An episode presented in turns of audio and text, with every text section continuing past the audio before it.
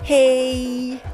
Det här är alla era frågor, det sista avsnittet av alla era frågor. Det stämmer. Ja, ehm, det har varit en fröjd att gå igenom hela Sveriges frågor om sex Ja. som vi har gjort nu i, ja, inte riktigt ett år, men eh, nästan. Ehm, och ja, vi vill bara säga tack för alla frågor. Det vill vi verkligen. Ni är en ständig källa till nyfikenhet. Ja, och vi har ju lärt oss väldigt mycket om vad fan folk undrar. Ja. Det är väldigt kul. Eh, vi släpper idag också ett annat avsnitt på Podplay exklusivt. Så Mm. att eh, idag är det, det här är ju kanske näst sista om man räknar så.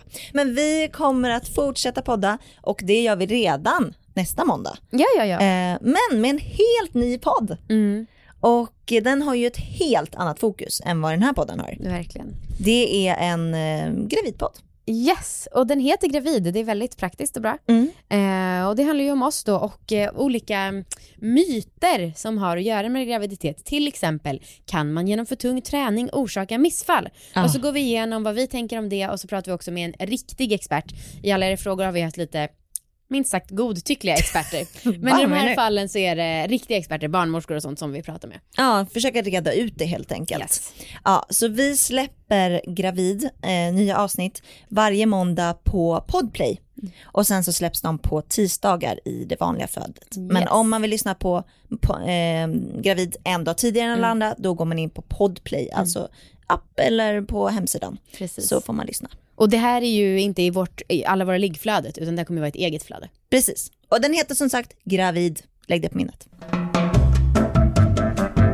Jag och min sambo hamnade i en het diskussion gällande vad en fantasi egentligen är.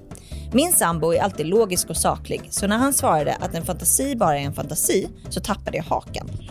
Vi kom in på ämnet genom att prata om att många människor lägger för stor vikt vid porr och blir svartsjuka av tanken på att ens partner ska kolla på porr.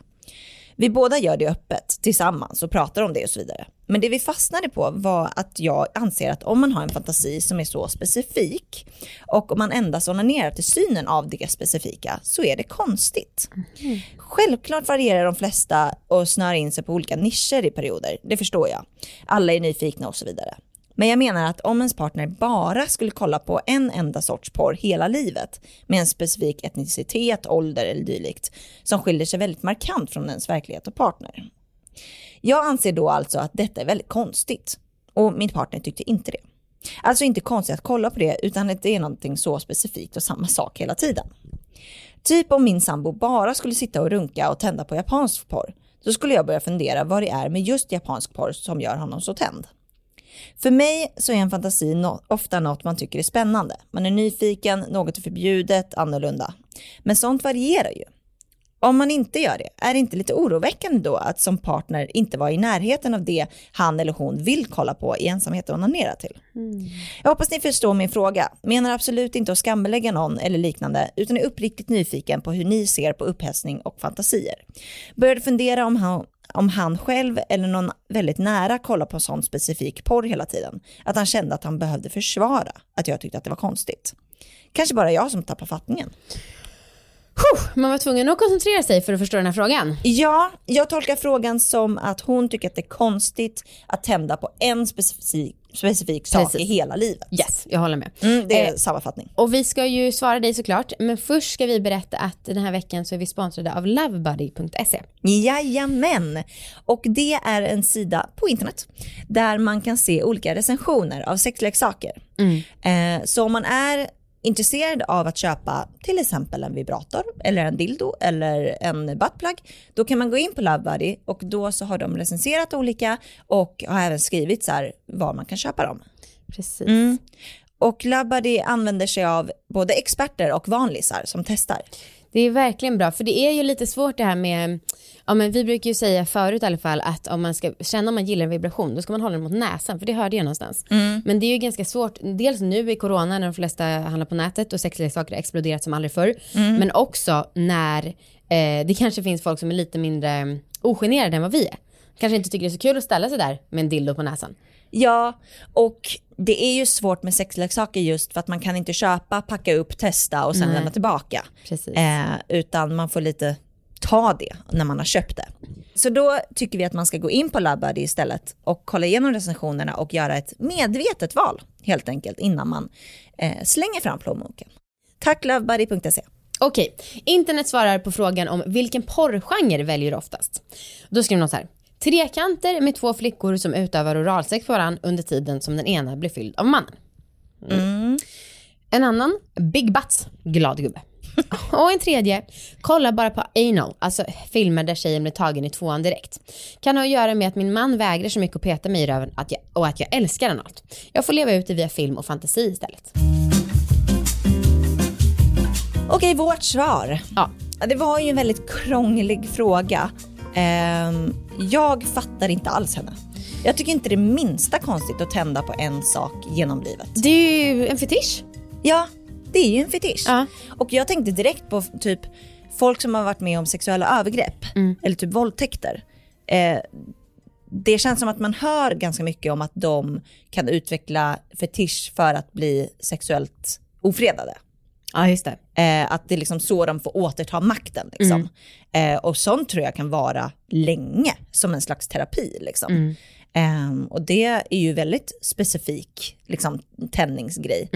Ehm, men jag, nej, jag tycker inte att det är konstigt. Nej, jag fantiserar typ alltid till samma sak och om jag skulle kolla på porr så kollar jag väl typ på samma, om jag ens minns när jag kollade på porr senast. eh, Men däremot så har vi har ju också läst att det här tändningsmönstret förändras om man kollar mycket på porr. Just det. Att, man, att det blir så att man vill ha grövre och grövre. ja, men, då ska men- man kolla på, ja precis. Mm. Men jag tror kanske inte att det gäller alla.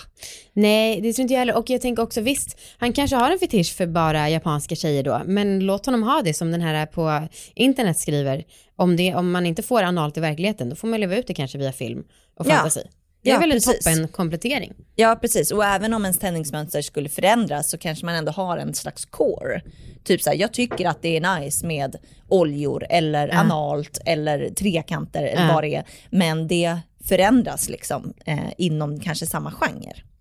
Ehm, så att jag, jag, tänker att det, jag tänker också att det kanske är så att om man har börjat kolla på någon slags porr eller på någon slags genre eller någon specifik grej, att det blir också kopplat till hjärnan. Alltså om man onanerar till det får orgasm, att det kanske också blir kopplat till hjärnan. Det här var ju så nice förra gången. Det här gör mig kåt igen. Ja, just det. Det är ju väldigt så, jag, jag har ingen aning om det här stämmer. Nej, Men det låter Det låter väldigt rimligt, eller Ja, hur? Mm. absolut.